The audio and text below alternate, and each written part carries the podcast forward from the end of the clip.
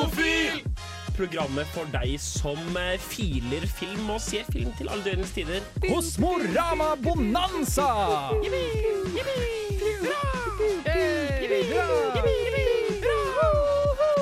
Filmofil presenterer Kosmorama Bonanza. Du hører på Filmofil på Radio Revolt.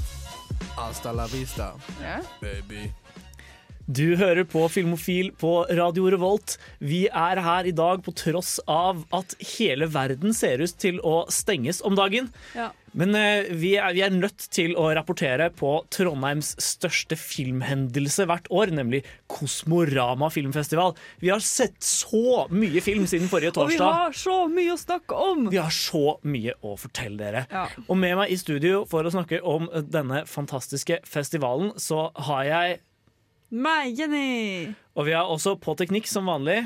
Jaran, Men vi har også fått besøk fra eh, Nerdeprat.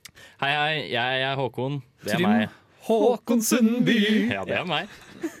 Eh, vi skal prøve å lose dere gjennom eh, vår Kosmorama-bonanza og prøve å oppsummere hva som foregikk under denne filmfestivalen forrige uke. Men før vi eh, snakker mer om det, skal vi høre Me and That Man med By The River featuring Ishan. Hei, jeg heter Stig Frode Henriksen. Hei, jeg heter Sahid Ali. Hei, jeg heter Evy Kassett Rusten. Hei, jeg heter Alexandra Aurebekk Nilsen. Og du hører på Filmofil! Me and That Man, man By The River fikk dere altså der.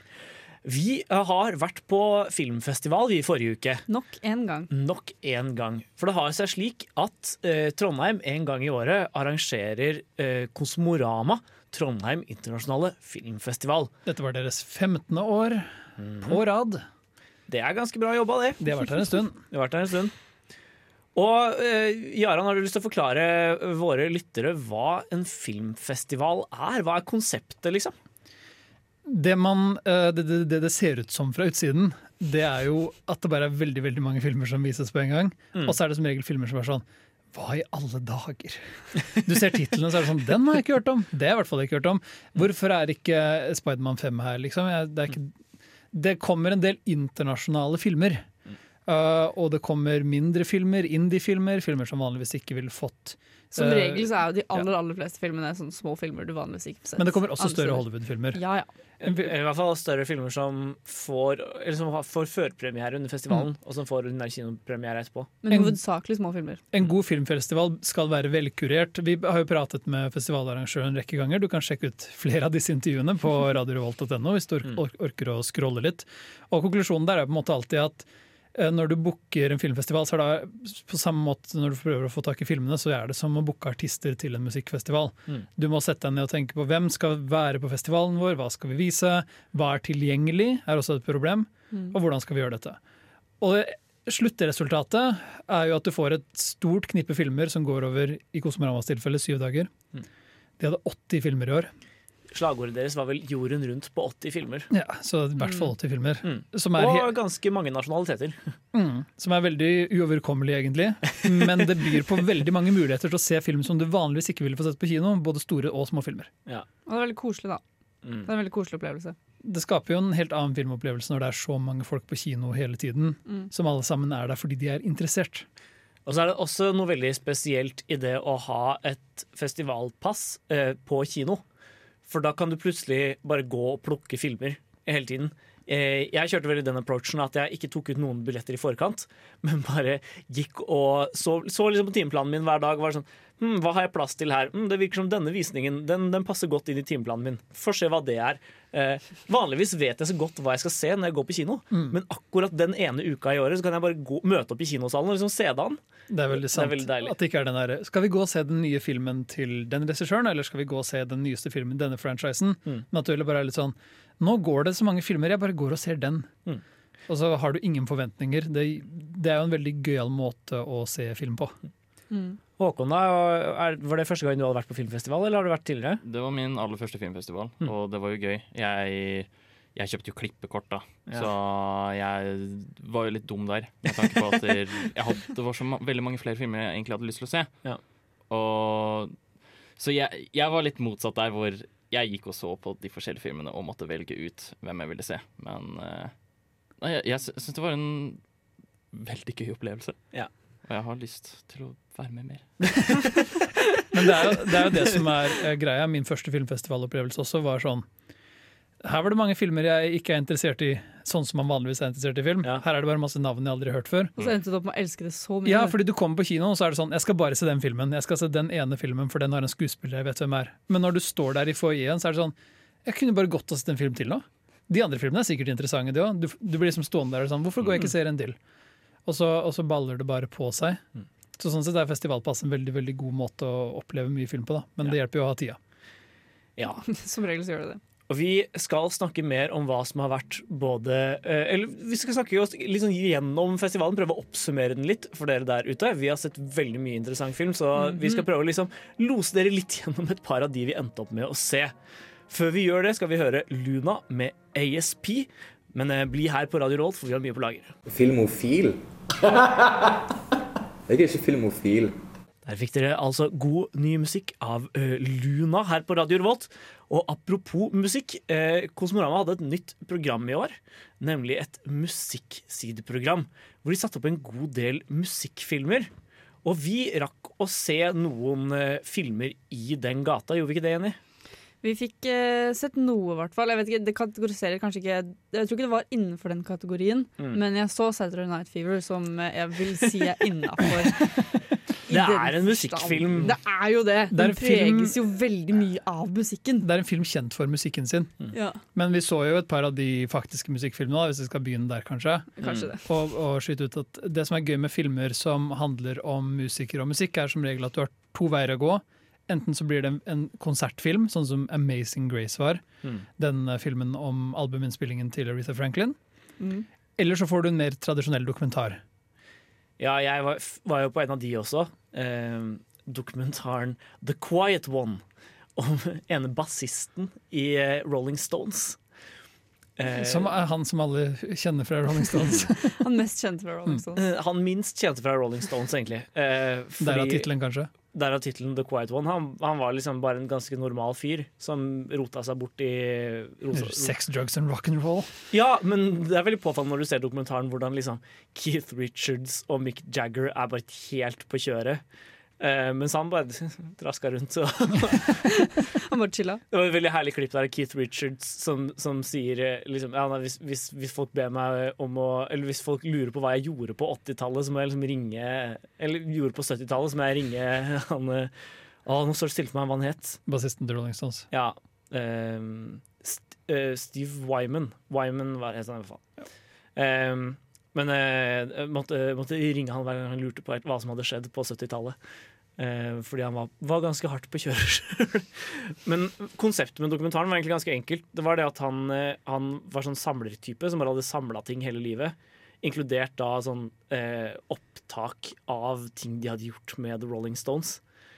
Samler han bare ting på The Rolling Stones? Eller Nei, bare han sånn han samla alt mulig rart. Men okay. han hadde Typ jo derfor, knapper, liksom? han hadde jeg, jeg vet ikke, Han hadde i hvert fall en haug med eh, Rolling Stones memorabilia liksom, okay. liggende i kjelleren sin. Mm. Så da måtte det filmen var strukturert rundt. Da, og så på en måte fortalte den hans historie gjennom det. Og det var en veldig veldig enkel dokumentar.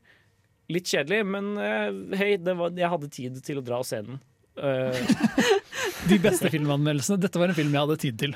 Ja, ja den, var, den, hadde, den hadde noen veldig søte øyeblikk. For eksempel en gang han hadde blitt invitert til å, Han var veldig stor Ray Charles-fan. Og så hadde Ray Charles spurt om han ville spille bass på, den nyeste, på det nyeste albumet hans. Og så hadde han bare vært sånn jeg, 'Jeg er ikke god nok!' Jeg er ikke god nok Og begynte å gråte. Så gikk han til meg. Å nei. Uh, Det er så søtt. ja, han, var, han, var, han virka som en veldig søt fyr, rett og slett. Uh, og så var det litt morsomt å sitte i salen, for du merka at det var to, to typer folk der. Mm. Det var de som ah, bare var interessert i film, og som var på festivalen og som liksom hadde endt opp der. Og så var det noen sånn veldig Rolling Stones-folk. Han jeg satt ved siden av, han var typisk i den kategorien. Satt der med litt sånn eh, Utvaska band-T-skjorte, kanskje. Ja, og sånn skinnjakke, og Mhm. drakk, eh, drakk kaffe. Det var, eh, det var liksom eh, Du merka at han var ikke der fordi han var veldig sånn festivalentusiast. Han var der fordi han Stones-entusiast. elska Stones. Mhm. Men de, de kommer seg på kino, de folka. Det er jo bra, det. Ja, det er, det er noe av det fine med disse sideprogrammene. De, de, de musikkfilmene bringer et, liksom, et lite, men veldig iherdig publikum, og det er fint at de får se filmene de er interessert i også. Og det får du kanskje på Saturday Night Fever òg, for det er en film som har en som, Selv om det ikke er en musikkfilm i den forstand, mm. også har en sjokkerende uh, iherdig fanbase. Det fikk jo dere til å oppleve, i hvert fall. Det er så fantastisk. De viste jo, det var, dette var en av liksom, spesialvisningen til Kosmorama. Mm. Og det var jo i fjor så viste de Grease på samme måte. Og det er jo alltid liksom Ikke for å calle ut noen, men ah, damer i sånn 30-årene, 30-40-årene, det er de beste. Jeg tror vi, jeg tror vi snakker 40-50-årene nå, egentlig. Ja, Ja, ja, nei, 40-årene, tror jeg. For de var, de var ikke så gamle, tror jeg. Uansett. så, fordi de lanserer også sånn førfest før denne filmen. Så Mm. da man får muligheten til å pynte seg opp. Og vorse litt før filmen. Litt, ikke sant? Så bare når filmen åpner, når man ser John Travolta liksom gå ned gata til en Bee Gees-låt, så var det alle damene var sånn Stine Alive, var det ikke det? Ja, jeg tror det. Og det er bare, det er bare så herlig. Ja. Og Så er det sånn som at de gapskratter så høyt når Eh, Og John Travolta blir litt sånn oppgitt fordi faren slår han. Han er sånn Hei, pass på håret. Han brukte kjempelang tid på å fikse det. Å, det er gøy! Det er Da kommer det sånn kakling nede Ja. fra fjerde rad. Ja. Men det en ting jeg synes var Det var første gang jeg så Saturday Night Fever. Lørdagskjøret, som ja, også lørdagskjøret. Mm. Jeg synes det var så gøy, fordi det var egentlig Det var en musikkfilm, og det var diskofilm og dansefilm og sånt, men det var også så utrolig mye sånn andre ting. Den blir utrolig dyster mot slutten. Ja. Veldig fort også. Veldig fort så går det skikkelig voldtekt og selvmord. Du bare dukker opp i filmen litt sånn ut av venstrefeltet. Og det er litt sånn, hæ? Og så bare, da gjør de ikke noe mer med det. sånn, Ja, det skjedde. Ja. Sånn var det. Det er på en måte en klassiker for den, uh, den generasjonen som nå er våre foreldre, føler jeg. Mm. Så det er gøy at den fortsatt uh, hva skal jeg kalle det, at den, får, at den fortsatt dukker opp, da, at folk vil gå og se den, og at folk kan se den på nytt. Det er en veldig fin film å se liksom, på en fredagskveld. Eller lørdagskveld. Eller lørdag. eh, veldig lørdagskveld. Ja. Veldig lørdagskjør. Eh, men før vi kjører videre, skal vi høre Frida Blomberg med 'Closer'. Det var, når man hører filmfestival, så er det lett å tenke at alle filmene som ble vist, må ha vært kjempesære og rare. Og det er jo nesten tilfellet, men det var noen litt mer sånn rendyrka sjangerfilmer der også. Ja. Em, og en av disse som vi alle så, for så vidt, Mm. var eh, den koreanske filmen 'The Gangster, The Cop, The Devil'. Og jeg, jeg elsket denne filmen her. Uh, Jeg tror vi alle likte den på én måte, i hvert fall. ja, Um, det er en, ja, som nevnt, en koreansk uh, crime-film. Eh, Basert på virkelige hendelser, visstnok. Ikke Ja. at jeg helt tror på det, men Em, og den, går, den handler om en hardbarka kopp som har noe å bevise og ingenting å tape. Som eh, skal samarbeide med en mafiadon som ble angrepet av en seriemorder. Og de skal fucke denne seriemorderen. Og så bestemmer mafiadonnen seg. Han er sånn Ingen får lov å prøve å knivstikke meg, seriemorder, jeg skal ta deg. Og så sier han politimannen du kan ikke bare drive med sånn gjengrettferdighet. Det er vi politifolk som skal arrestere seriemorderne. Og så sier mafiadonnen ja, men mine ressurser er mye bedre enn dine ressurser. Så de ender opp med å jobbe sammen. I en, og de har en sånn scene, sånn back and forth-scene hvor de prater sammen om dette og på en måte blir enige om den avtalen. Hvor han politimannen sier sånn «Uh, Så one good guy, one bad guy, catching a worse guy. Nei, det er Two bad guys catching the worst guy. får han som svar fra han mafiaen. Og det er sånn, åh, Det er Den- så herlig! Det er så film, bra ja, dialog. denne filmen uh, er åpenbart inspirert, om ikke av sanne, sanne hendelser, så i hvert fall av filmer som kom før den.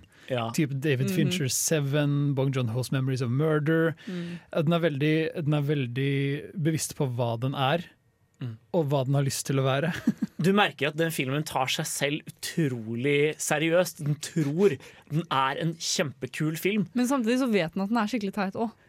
Det, jeg, jeg Jo. vet ikke helt. Altså, når han kjører på han fyren, og så er han sånn ha-ha-ha, jeg fortsatt, jeg er fortsatt en god fyr. Liksom. Nei, jeg tror filmen legit Ja. mener at det er kult. Mm. Det var så mange scener i denne filmen hvor han, hvor han hardbarka politimannen som, Jeg liker så godt det du sa. Han har alt å bevise og ingenting å tape. For Veldig tidlig i filmen så bare begynner han å Han kommer til et sånn, en ulovlig spillehall hvor det står sånne folk eh, Vanlige folk, sikkerhetsvakter, de står på vakt. Og han bare slår de i ansiktet! Det er, det er bare sånn uprovosert politivold, men musikken, uh, filmmusikken er sånn Det er sånn gitarriff som er bare sånn Nå er det fett! Det er sånn, nei, det er ikke kult i det hele tatt. Han er bare skikkelig drittfyr. Ja.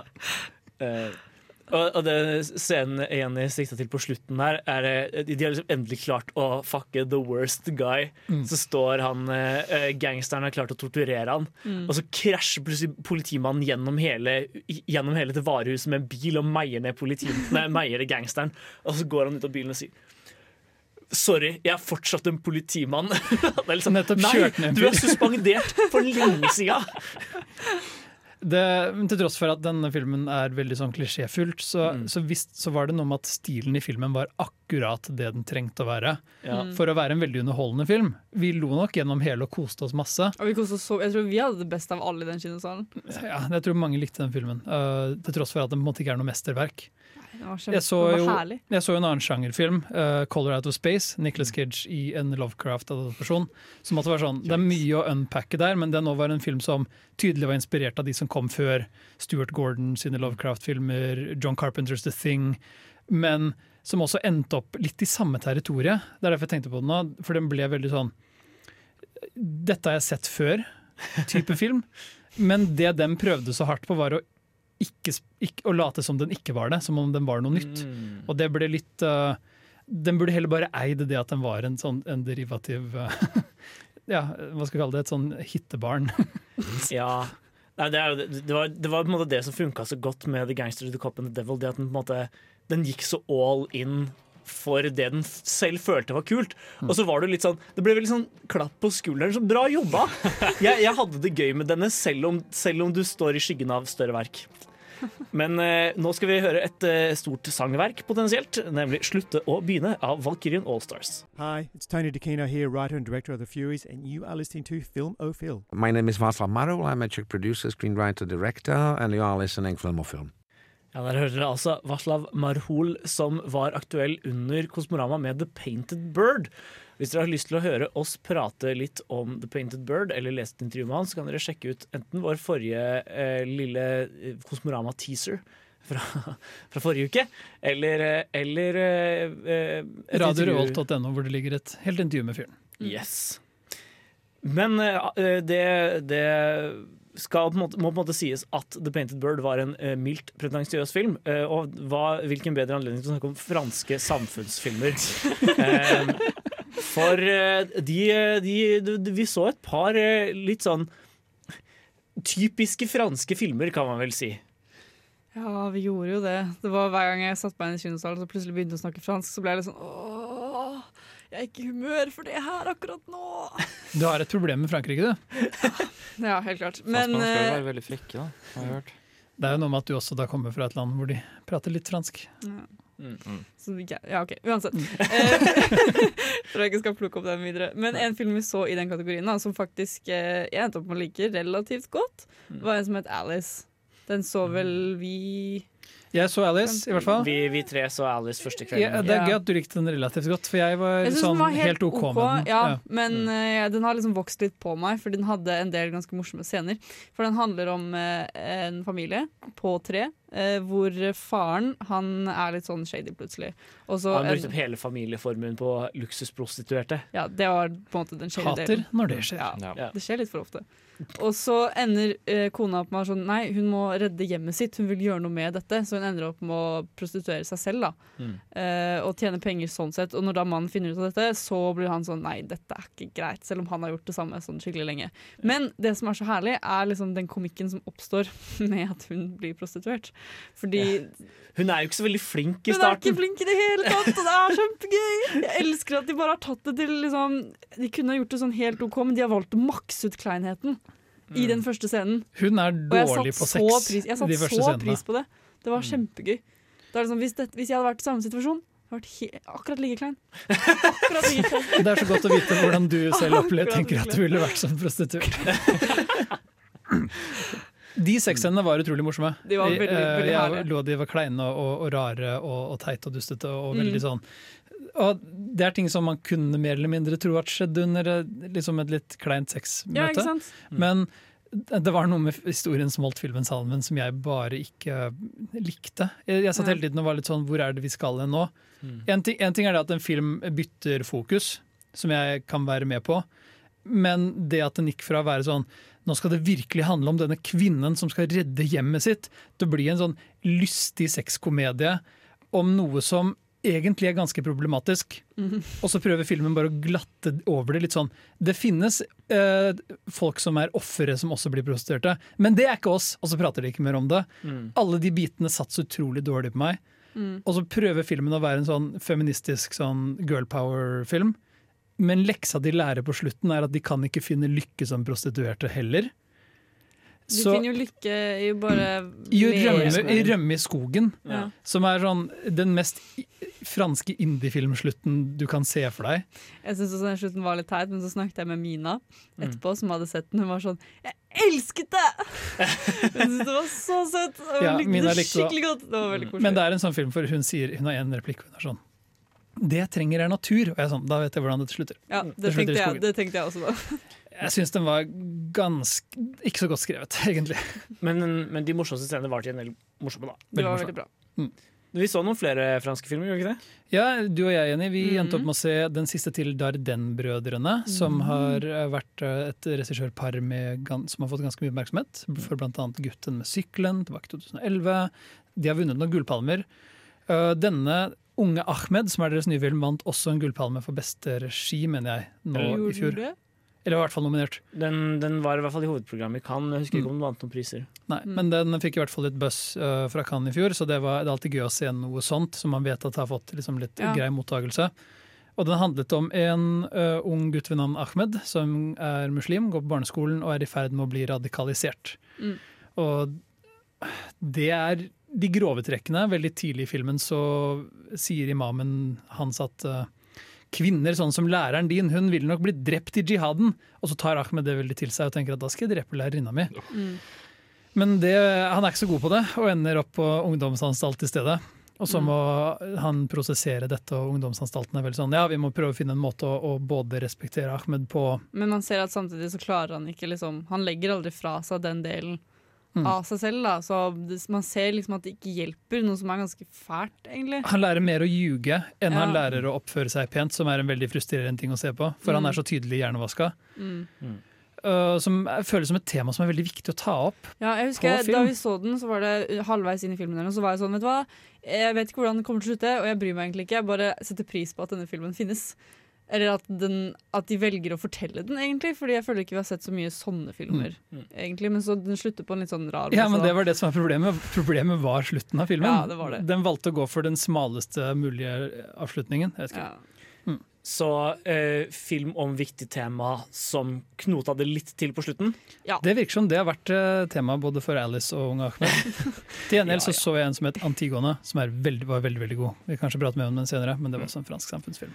Før vi gjør det, skal vi høre Pom Poko med Praise. Hi, this is Brian Usen. I'm the producer of Reanimator and the director of Society, and I'm with the Filmophile people, and uh, we're all having a great time. Vi har vært på filmfestivalen Kosmorama, og vi prøver å oppsummere hva vi har sett der. For det var ganske mye.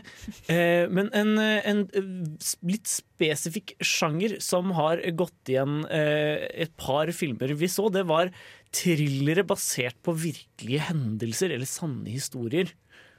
Mm. Ja. Um, jeg, jeg så jo en av disse filmene da, og det var filmen Dark Waters med Mark Ruffalo. Jeg husker ikke hvem det var som regisserte den. Todd Haynes han er en ganske interessant amerikansk regissør, egentlig. Han, ble, han slo veldig gjennom med en film som het Safe, sent 90-tallet. Mm. Eller tidlig 2000-tallet. Uh, men ja. Ja, Den handler i hvert fall om uh, Han var vel egentlig Jeg husker ikke karakteren hans. Uh, det er en stund siden jeg har sett filmen, og spoilers, den var ikke så veldig minneverdig. Men i hvert fall, det er en eh, advokat som egentlig forsvarer eh, liksom sånn kjemikalie- Mm. og kjemibedrifter og lignende. Det er så tydelig at de ikke har hatt noen kjemikere med på denne filmen. i det hele tatt, Ja. Og det er skikkelig frustrert. Det frustrerte meg ordentlig under hele filmen. Um, I hvert fall, han blir besøkt av en bonde som er sånn Å, gården min dør, og alle Jeg dyra mine trenger en advokat, og Ja. du er den eneste advokaten jeg vet om, for du er fra småbyen min. Ja. Så han begynner å grave litt opp, og så er den, viser det seg at det er en konspirasjon der, fordi de driver og har et eller annet stoff som het C8.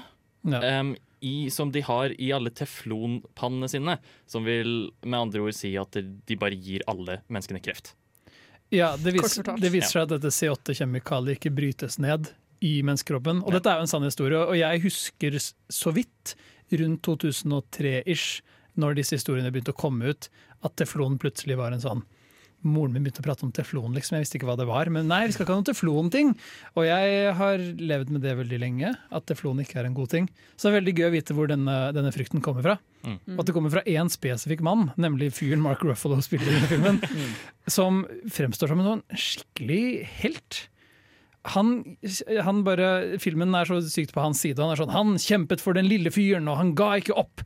Og de, de var aldri fornøyd med et, et, sånn, et pengeforlik og, å signere en sånn taushetserklæring. De visste at denne nyheten var for viktig, denne saken var for stor. Han bare kjemper på og bare bruker sånn ti år av livet sitt på den saken. Ja, og helt på slutten nå så sier du jo at han holder fortsatt på. Ja. Han holder fortsatt på og skal løse alle disse casene som de tydeligvis har nektet for.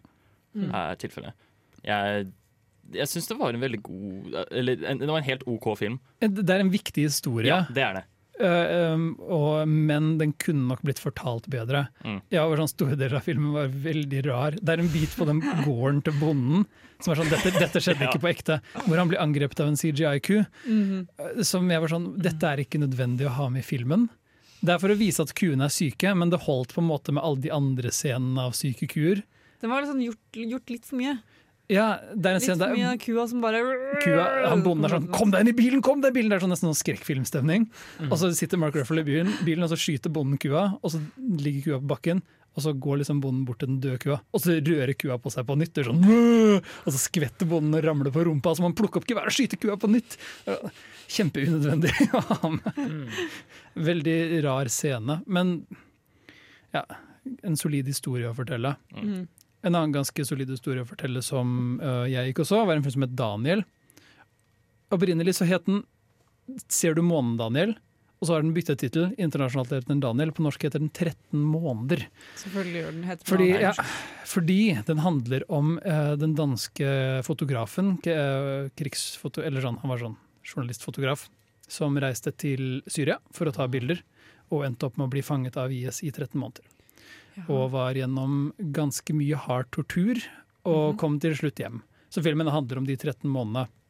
Og det er sånn, den er vellaget, den er godt fortalt, men ikke veldig spennende. Det er også noe med at når filmen heter 13 måneder, så vet du hvordan det slutter. Du kunne kanskje brukt en annen tittel bare av den grunnen. Men han, skuespilleren som jeg ikke husker navnet på, han var veldig veldig god som Daniel. Og så fokuserer filmen også på et subplot som er familien til Daniel i Danmark, og hvordan de takler denne nyheten. Og de IS er sånn Hvis dere gir oss mange milliarder penger, så får dere Det er jo derfor de tar gisler. Mm. Fordi de vil ha penger. Uh, og, og myndighetene er sånn Nei, vi gir ikke penger til terrorister.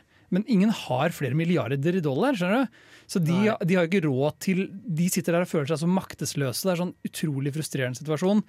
Og det dramaet skulle jeg nesten hatt mer av, for det var det som rørte meg mest. Det ble en veldig sånn Du kjente på den hvor vondt det er å vite at hadde jeg bare hatt pengene, så kan jeg redde barnet mitt, broren min, kjæresten min, liksom. Men øh, det ble- var en kjempevond prosess å få tak i de pengene. Da. Så det også er en film som Både Dark Waters og Daniel får nok norgespremiere. Ja. Så spennende. Mm. Er, det, er det, å anbefale? Mild anbefaling fra begge to fra Ja. meg. Skjønner. Da, eh, Med det så går vi videre til Jonas Alaska og Roof Comes Down, før vi skal snakke litt om eh, barna vi så på film under Kosmorama. Hei, jeg heter Roar Uthaug, og du hører på Filmofil på Radio Revolt. Der fikk dere altså Jonas Alaska med Roof Comes Down. Og her i Filmofil så har vi fortsatt vært på Kosmorama, Trondheim internasjonale filmfestival. Og på den festivalen så vi en del filmer hvor barn hadde sentrale roller. Vi så blant annet Tomboy av Celine Jamal. eller du gjorde i hvert fall det, Jenny? Jeg så den. Så ingen av dere andre den? Nei, den var jo på retroperspektiv, øh, for det er en film fra Nei, 2000. den var på fransk film. Jo, men det er et retroperspektiv. Ja, ok, okay, Fordi er du ser på filmer fra gamle filmer. Det var en film fra 2011 eller noe sånt. Mm. ja, så jeg, jeg, jeg, jeg endte, opp, endte opp med å prioritere nyere filmer. Mm. Men jeg hadde veldig lyst til å se den. Var den god? Ja, eh, jeg likte den egentlig veldig godt, bortsett fra Det eneste jeg har å si på den, er at jeg følte aldri at den hadde noe Eller jeg følte, ja, jeg følte aldri den Den kom til et poeng, da, for å si det sånn. Fordi den handler om en eh, liten Det handler om to søstre.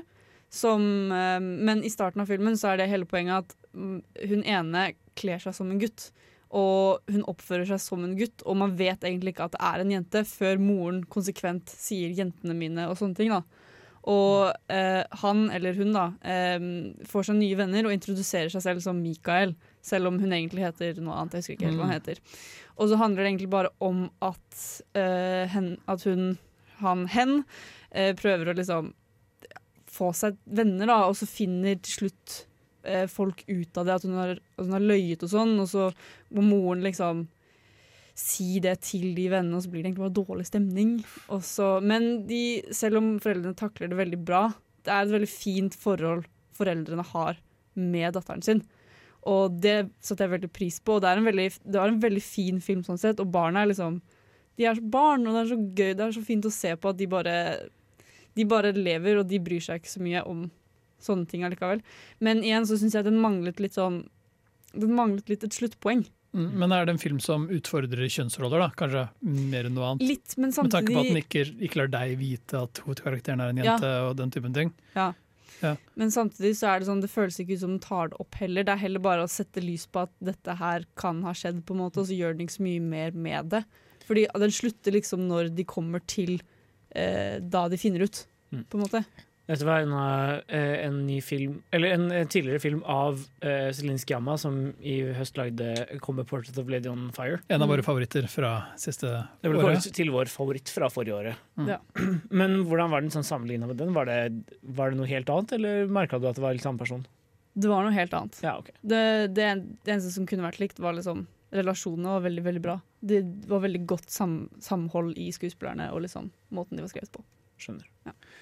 Men eh, dere så også en annen film som het The House of Us. Ja, nok en eh, sørkoreansk film. Det, eh, der hvor The Gangster They Cop and Devil føltes som en sånn Hollywood-imitator, så var Mm. dette veldig en indie-film. Det var uh, ukjente skuespillere, det var filmet med et digitalt kamera, og produksjonen var veldig liten. Du filmet ute i naturlig lys, eller så filmet du inni et par leiligheter. Og den handlet om uh, en ung jente som Skal vi se nå Det er egentlig tre barn som er hovedkarakteren her, men de introduseres på forskjellige tidspunkt. Det handler om en ung jente som har en familie som holder på å falle litt fra hverandre. Foreldrene krangler ja, veldig mye. krangler sånn hele tiden. Og alt hun vil, er at vi skal dra på en ny familietur. For sist gang de var på fam- familietur, så var mamma og pappa glad. Og mamma og pappa har vært glad på en veldig god stund. Og så møter, og Hun har liksom ingen venner, men det, det er ikke fordi det er noe gærent med henne. Hun bare må hjem etter skolen for å lage middag og sånn, liksom. Mm. Men så møter hun to andre små jenter, som er litt yngre enn henne, som har et litt annet liv, hvor begge foreldrene er sammen, men de jobber hele tiden, så de går på skolen, og så må de hjem. Og så må de lage middag, spise selv, så kommer onkel innom og sjekker på de, og så kommer mamma og pappa hjem rundt midnatt. Så de bor liksom bare alene i leiligheten, mer eller mindre. Og sammen så blir de en litt sånn Nesten en, en, søs, en venneflokk, en, søs, en søskenflokk med et Mm. mm. søsterhierarki. Og så begynner en ting å skje. For det første så blir hun, uh, hovedkarakteren vår veldig redd for at foreldrene skal skilles, så hun prøver å få det holde sammen. Og de to som bor i den leiligheten, foreldrene har ikke råd til leiligheten lenger, så de må flytte. Så de prøver å redde leiligheten. Sørge for at ingen andre kan kjøpe den leiligheten, så de, de, de roter i den og lager masse kaos og sånn. Og jeg er personlig veldig veldig svak for barn som aldri gir opp på film. Barn som har det stå-på-motet. Som bringer både uskyldighet og sjarm og liksom alt. Så for, jeg, for meg så var dette en film som, hvor jeg ble veldig glad i hovedkarakterene. Jeg vet ikke med deg, Jenny? Jeg syns den, den var veldig søt. Det, det var det jeg egentlig endte opp med, for jeg følte, jeg følte veldig med hovedkarakterene på ethvert tidspunkt. da. At de hadde det litt fælt, og så fant de gleden i hverandre. Ja, det skjedde på en måte, det var aldri noen store følelser. Vi har i hvert fall sett et par søte filmer om barn. Eh, må også nevne helt på slutten at film, hadde et eget barneprogram. Jeg fikk sett Småkryp, eh, Pixar-filmen. Den, er- den er også veldig søt. Eh, men nå skal vi høre en låt, nemlig Christine and the Queen med La Vita Nova.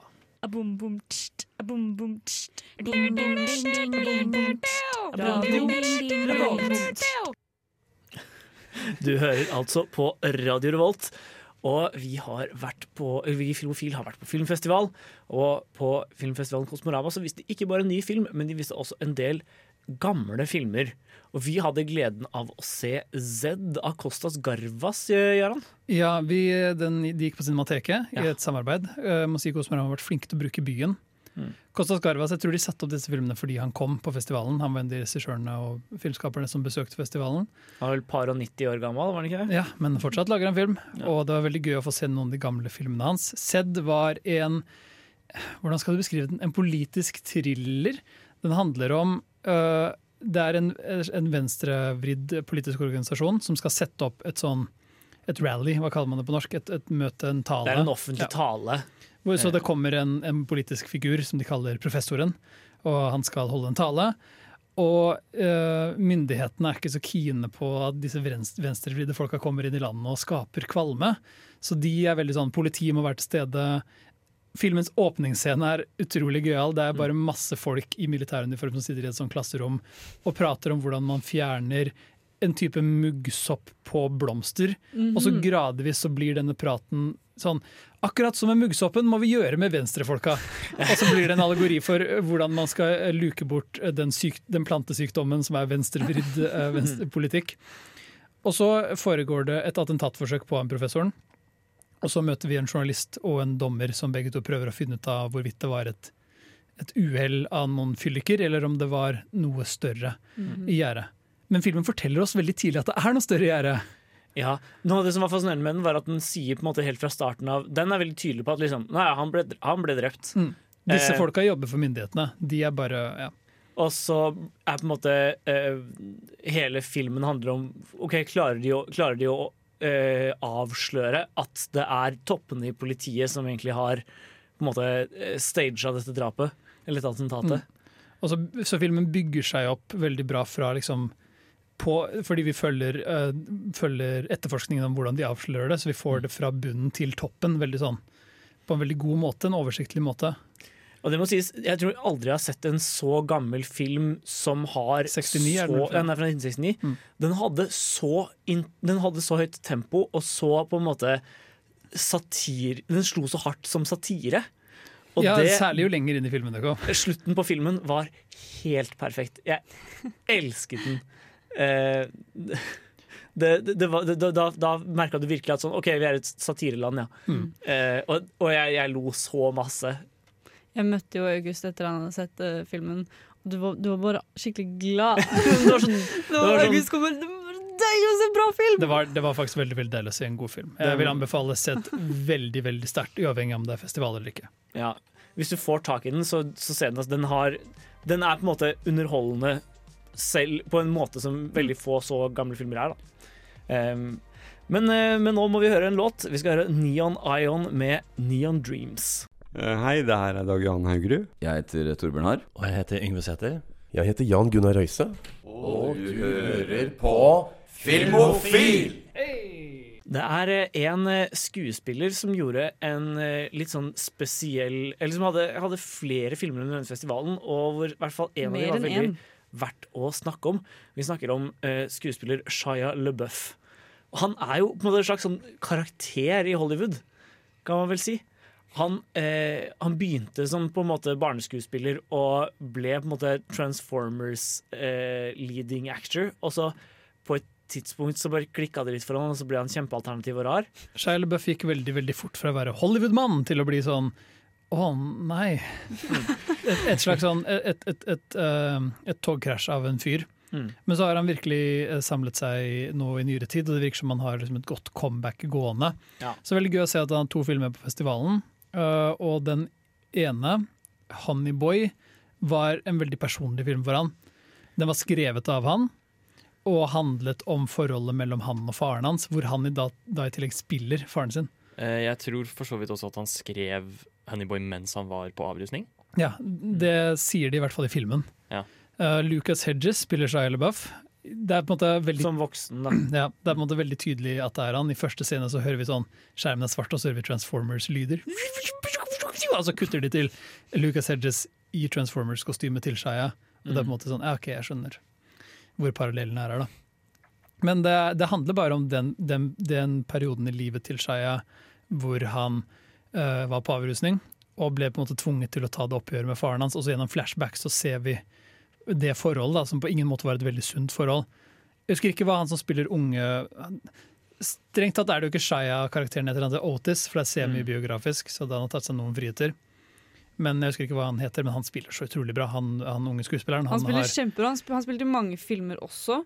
Mm. Uh, han heter så mye som Noah Jupe. Der er du ute. Han er spiller i, uh, i holdt på å si Bazinga, men Shazam heter det. Jeg har så lite lyst til å se Bazinga. Det var to rare lyder etter hverandre. Men han spiller også i Ford vs. Ferrari og Quiet Place og Ja. masse sånne filmer. Han er en kjempeflink. barneskuespiller med en karriere, i hvert fall. Og han er kjempedyktig i denne filmen. Det er mange scener der hvor han er sånn Det blir så utrolig sårt.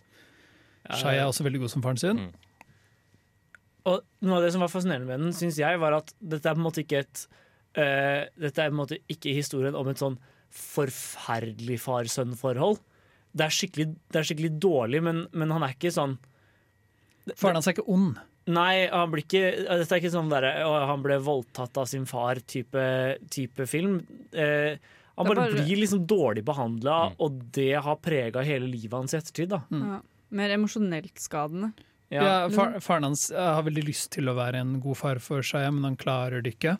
Mm. Han sliter med å være alkoholiker, og det spiller veldig på sånn at på en, måte, en del av farens demoner har Shia nesten arvet gjennom den oppveksten, og det har skadet han veldig. Men det jeg var redd for, var at filmen skulle bli et sånn 'å, stakkars meg'-portrett. Mm. Men i stedet for så ble det en, en film om uh, Hva skal jeg kalle det? Bare det siste skrittet i Shias terapi. Ja, det føltes mer som det enn som noe annet. Og det var veldig gøy å få være med på. Det var på en måte en film som jeg tror ville føltes mye plattere og mer spekulativ hvis det ikke var for at det handla om han selv. Mm. Det ga filmen et veldig nytt perspektiv.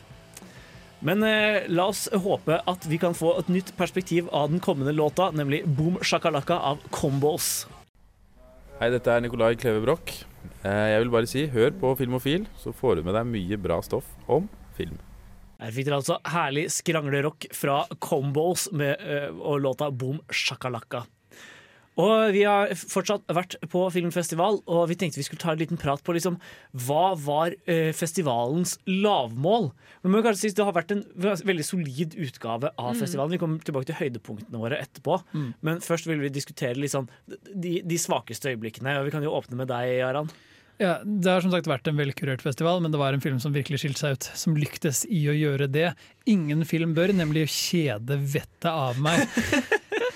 Og all ære går til den italienske gangsterfilmen The Traitor, som Mm. forsøkte å være en thriller basert på en sann historie, men som eh, klarte å være basert på en sann historie, men ikke en thriller. Mm. Den handler om en av de første mafiamennene fra Corleone-mafiaen i Italia, som uh, vitnet. Som egentlig er en kjempestor sak. Og Det kunne blitt en skikkelig bra film. Det var jo derfor jeg hadde lyst til å se den. Mm. Fordi jeg trodde liksom det å bare I mafiamiljøet og sånn, så er det jo liksom æreskode og det å liksom Og den italienske mafiaen er så OG, for- OG, ikke sant? Men, Ja. men det var, det var bare en dødskjedelig film. Den gjorde ingenting spennende og var sånn én time for lang. Megaplatt skrevet, skikkelig flatt filmet, ingen regi, veldig lite skuespill og bitte henge fast. Det var bare ingenting å følge med på scenene, de rettssalsscenene som burde vært interessante, var bare var masete og teite. Må nevnes at jeg er megasvak for rettssakdramaer, men dette var bare helt flatt for meg. Ordentlig dritt. Enig, da? Nei, det blir jo samme for meg òg. Jeg tror det var den jeg desidert kjedet meg. Du sovnet jo under filmen. Jeg gjorde jo det. Jeg sovnet, tror jeg sovnet flere ganger, men det var liksom, ja. Jeg sovnet så hardt at jeg måtte liksom Jeg skvatt nesten. Ja, det var så gøy. Det er det beste i hele filmen. Det var faktisk høydepunktet under hele den filmen. b- Både for meg og begynte Det at, Mm. eh, Mm. det at Jenny skvetter um, fordi hun våkner. Det var Eh, ingenting som skjedde i filmen heller! Det var det verste. Jeg liksom våknet av at det var veldig platt dialog hele veien. Det var ingen Ja. grunn til at jeg skulle våkne. Jeg kunne bare sovet og hatt det fint, jeg. Det var nok The Traitor som var lavmålet under festivalen for min del også, men jeg har også lyst til å trekke frem en film som ikke traff meg så veldig, nemlig eh, eh, adaptasjonen av Tarjei Vesaas 'Fuglane', som kom under denne festivalen. Um, den, eh, den så vi tidlig søndag morgen. Klokken ti. Nei, Tolv. jo. Jo. Nei, tolv. klokka Tolv. tolv. Men det, var, det føltes tidlig. Eh, og uh, det er noe med at den boka nok er best egna som bok. Ja. Eh, Den, det, den, eh, det var mange scener der hvor jeg følte sånn her skulle det vært noe indre monolog som forklarte hva, hvorfor dette var viktig. Eh, men så bare skjedde ting, og så var det kjempeviktig for karakteren, men så, men så skjønte man på en måte aldri helt hvorfor. Ikke så godt filmspråk til å oversette den monologen heller, da, kanskje. Nei, jeg tror den hadde hatt godt av å være mye mer eksperimentell i filmspråket sitt, men så var den ganske konvensjonelt filma. Den hadde veldig fine bilder av fugler, da, det må sies. Men bortsett fra det, eh, en film som var ganske, ganske kjedelig. Mm. Noen Men- sånne filmer må til. Det er noe med det det var i hvert fall to filmer vi ikke likte så veldig godt på festivalen. Men eh, vi har i hvert fall fire filmer vi likte kjempegodt, og de skal vi snakke om nå snart, etter at vi har hørt Me and You Vavavorski med Ski Arena. Hei, jeg er eh, Agnes Kittelsen, Og jeg er Aksel Henning. og det er viktig at uh, dere hører på Filmofil. Filmofil. Me and You Vavavum med Ski Arena. Ski Arena fikk dere altså der. Eh, eh, før det så snakket vi om de dårligste filmene vi så på Kosmorama. Men nå er det på tide å snakke om de beste, og det er jo alltid mye morsommere. Vi kan jo begynne med deg, Jenny. Ja, jeg fikk endelig sett The Farewell, som var filmen jeg gledet meg desidert mest til med Kosmorama. Mm. Da jeg så den kom, så ble jeg sånn dette her blir en fin Kosmorama-uke. Og Jeg hadde gledet meg skikkelig lenge til den, og den skuffet ikke. Og det tror jeg også gjorde den enda bedre igjen også, fordi den ikke skuffet. For når man gleder seg så mye til en film, så er det som regel det, da. Men den traff bare på alle mulige måter, og jeg, jeg gråt så mye at jeg nesten begynte å hulke, liksom. Og det var bare herlig. Det, det var akkurat det jeg forventet at jeg skulle få ut av den, og det var akkurat det den gjorde. For jeg jeg har funnet ut at jeg har en svakhet for liksom besteforeldre på film, tror jeg. Og det var veldig besteforeldre på film. Hun er veldig søt, hun Hun bestemor. i den filmen. kjempesøt! Ja, for Filmen handler om en eh, asiatisk Ja, en fra, kvinne. nei, en familie fra Kina som Mm. Bor i eh, USA. Nei, som bor i Kina. Eh, det er bare hun hovedpersonen som bor i USA. Eh, fordi familien er på en måte splittet litt opp. Noen Hun bor i Japan. hun bor i USA med foreldrene sine. Ja, og så bor tanten og eh, noen andre De bor i Japan, og så bor det den siste eh, onkel eller noe sånt i Kina fortsatt. Og så er greia at bestemoren har blitt dødssyk. Hun vet ikke selv, men de har ikke lyst til å fortelle det til henne, fordi de har lyst til at hun skal på en måte leve livet sitt fullt ut til siste slutt. da. Eh, så de velger ikke å fortelle det, men de velger å stage et bryllup. Sånn at de har en unnskyldning til å være sammen med henne en siste gang. De tvinger basically fetteren i familien til å gifte seg med kjæresten Ja. hans. Som de har vært sammen i tre måneder. og så stager de dette bryllupet bare for å eh, tilbringe mer tid med henne. Da. Det er skikkelig søtt, og hun, eh, hun eh, hovedkarakteren hun spiller så sykt bra Aki, av, av Kafina, hva hun heter. Aquafina. Aquafina. Hun er kjempeflink. Mm. Mm. Den har jo slått veldig godt an også. Ja. Mm. Håkon, da? Hva var din favoritt? Um, jeg nevnte jo i stad The Gangster, The Cop, The Devil. Og Mm. jeg vil bare gi shout-out til den siden det var den filmen jeg desidert hadde mest gøy med. Jeg smilte under hele filmen. Um, men jeg vil si at den beste filmen jeg så, var nok uh, filmen The Climb. Som uh, Det er rett og slett to, to kiser. De er kjempegode venner, ikke sant? Um, var det Jeg husker han ene het Mike. Hva het han andre? Jeg husker ikke hva han het. Nei, i hvert fall. Uh, og de blir uvenner fordi han ene skal gifte seg, og så har han andre pult kona hans. Mm. Det er veldig god grunn til å bli uvenner. Ja, og så um, Men han forteller liksom i en oppoverbakke mens de sykler, og det er kjempegøy. Ja. Det er humor, humor bare der. um, og så får vi på en måte se ferden da, i det de prøver å reparere vennskapet sitt og litt sånt. Og jeg hadde det kjempegøy med den. Den var veldig sånn teit humormessig. Det er en hel sånn sekvens hvor de skal kidnappe han ene som skal gifte seg på nytt, for, som liksom en sånn bachelor-greie. sånn bachelorfest. Mm. Um, og så skal de lage, gjøre liksom en Batman-imitasjon med stemmen sin. Men så krangler de om hvem som skal få Batman-imitasjonen. Og så prøver de å finne på en annen stemme da som de kan skjule stemmen sin med. Så det er sånn Jeg tar Batman-imitasjonen. Du, du, du kan snakke sånn her. Ja, en, en film eh, som jeg endte opp med å sette utrolig stor pris på under denne festivalen, det var eh, Corpus Christi. Ja, den likte jeg også veldig, veldig godt. Det var ganske bred enighet i studio egentlig om at det var en av Jeg festivalens beste filmer. tok megastart til den. Ja. Jeg skrev en anmeldelse som ligger ute på dusken.no hvis du har lyst til å lese om det. Den handler Eller den var nominert til Oscar for beste ikke-engelskspråklige film. Mm. Og Den var, nominasjonen fortjente den. ja, det var nesten litt sånn at det var trist at Parasite fikk den også. Du Ja. skulle ønske at Corpus Christi også kunne fått en Oscar. Den fortjener oppmerksomhet. Den ligger Ja. veldig an til Ja. å bli en sånn gjennombruddsfilm for de involvert. Ja. Eh, handler om en eh, eh, ungdomskriminell som det viser seg etter hvert har, har drept en annen person i et sånn gateslagsmål. Ja. Eh, I Polen. I Polen. Han er veldig sånn slav-estetikken. Han er så slav, han. Det er kjempegøy. Eh, men i hvert fall, han eh, ender opp med eh, å Eller vi møter ham på en måte idet han er på vei ut i sånn parole. Eh, Mm. prøveløslatelse heter det på norsk. Eh, Det er veldig tydelig at han har blitt veldig nær med fengselspresten. ja. og at han ser litt opp til han. Og egentlig har lyst til å bli prest selv. Ja. Mm. Så på prøveløslatelsesdagen så stjeler han et prestekostyme Mm. og reiser til denne lille landsbyen. hvor Han skal, egentlig begynne å jobbe på sånn Ja. Sagbruk. Men så går han inn i kirken istedenfor, og der møter han en jente, og så er hun sånn ja, 'skal du jobbe der?' Og så ser hun litt ned på han, og så er han sånn 'nei, jeg er den nye presten'. Og så tror hun på han, og så bare, bare blir han presten. Og så plutselig ender han opp som prest eh, for denne lille landsbyen, som også jobber med å bearbeide et veldig betydelig traume for byen, da, Mm. hvor en gruppe ungdommer døde. Og det, det var bare en utrolig, utrolig eh, sterk film fra ende til annen. Den var på en måte- Morsom, rørende, den hadde godt utrolig skrevet. sterkt drama, Ja. men tok Mm. seg jevnlig tid til å bare være en sånn derre fish out of water. sånn, eh, bare morsom. Og den hadde så godt av det. Jeg vet ikke. Det, det var et, og, og avslutningen var sånn knallsterk. Det var en veldig allsidig film. Den hadde, den hadde alt, på en måte. Den hadde til og med en som måtte google hvordan gjøre confessions. Det, var, Det satte jeg veldig pris på. Det var, det var fantastisk, faktisk.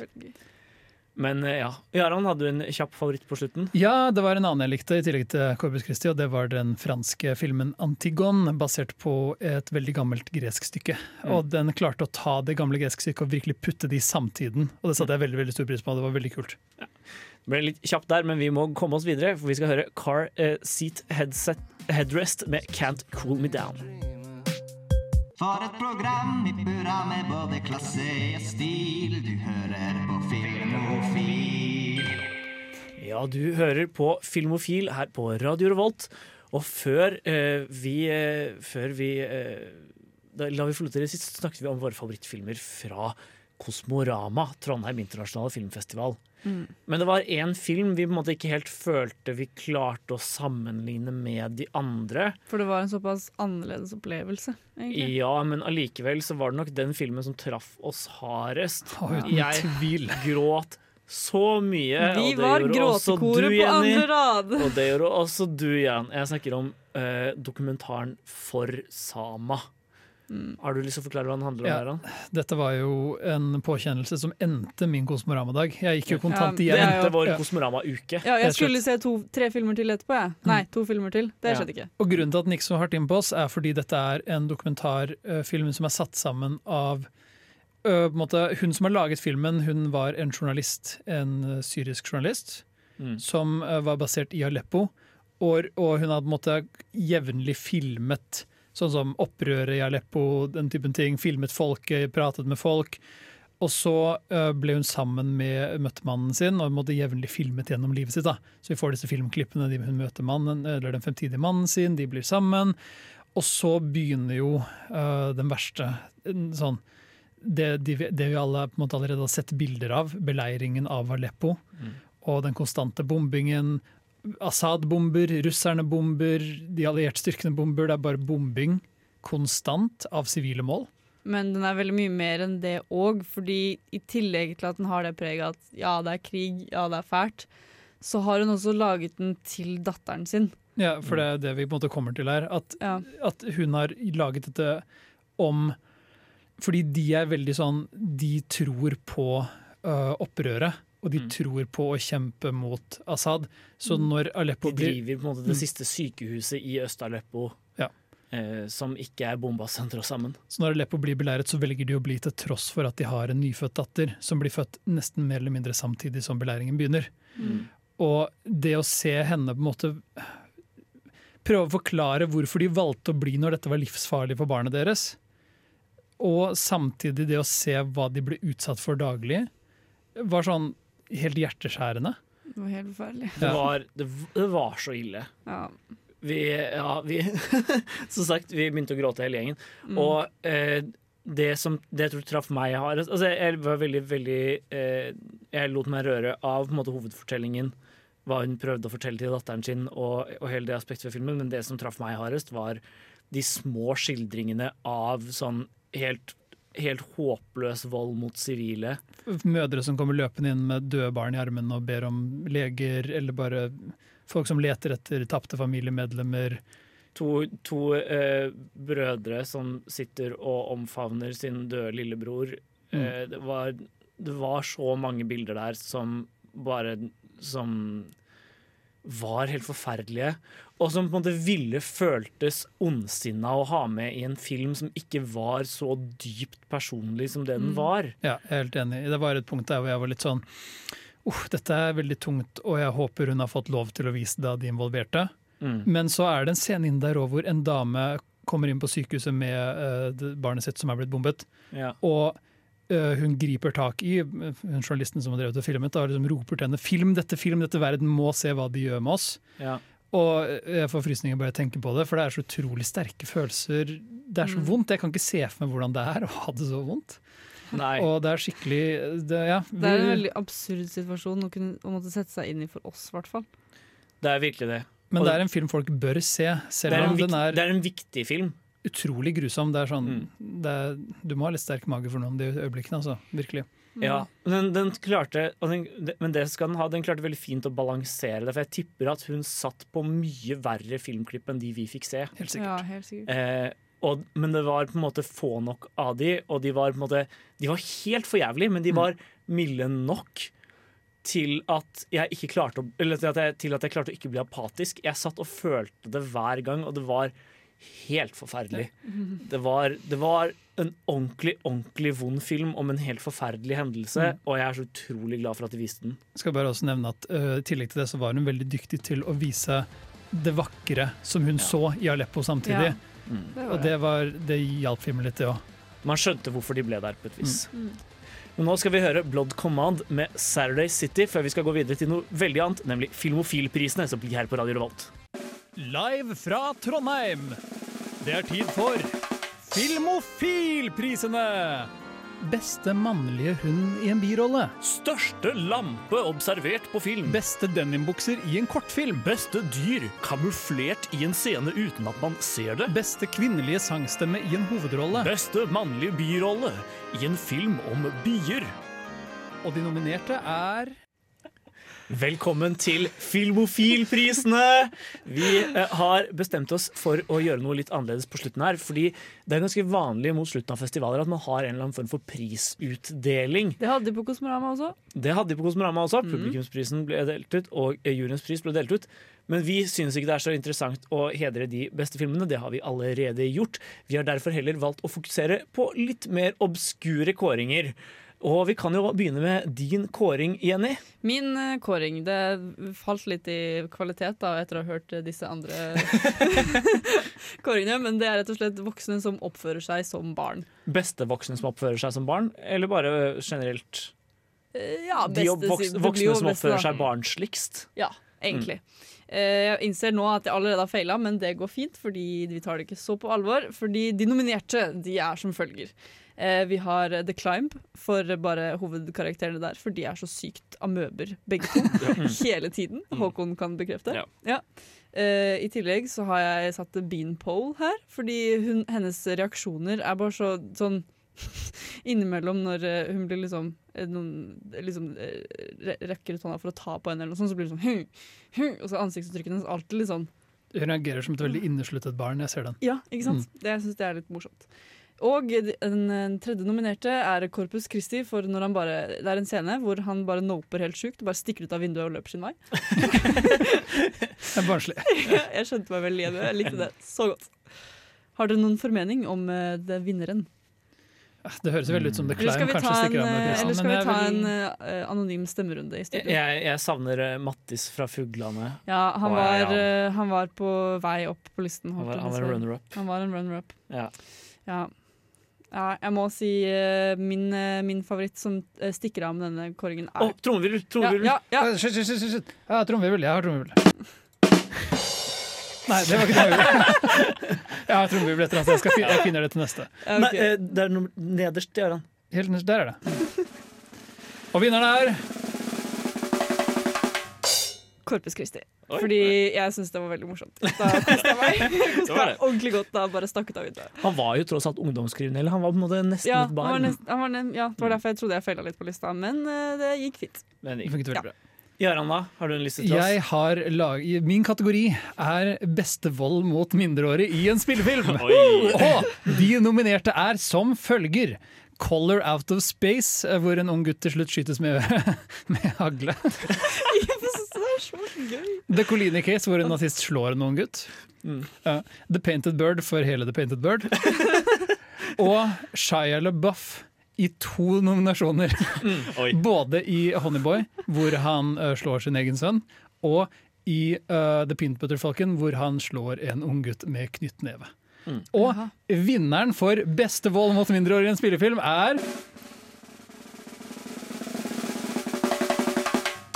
Shia LaBeouf i The Peanut Butter Falcon! Ingen andre skuespillere har dette året vært så grusomme mot mindreårige og fått meg til å sette så stor pris på det enn Shia LaBeouf. Kan du forklare scenen? Scenen i The Peanut Butter Falcon er eh, at eh, Shia LaBeouf har nettopp møtt eh, den andre hovedkarakteren, som har Downs syndrom. Han har rømt fra, en, fra pleiehjemmet der han er. Mm. Og så har Shia vært litt sånn Bare la meg være i fred, jeg er for kul for deg.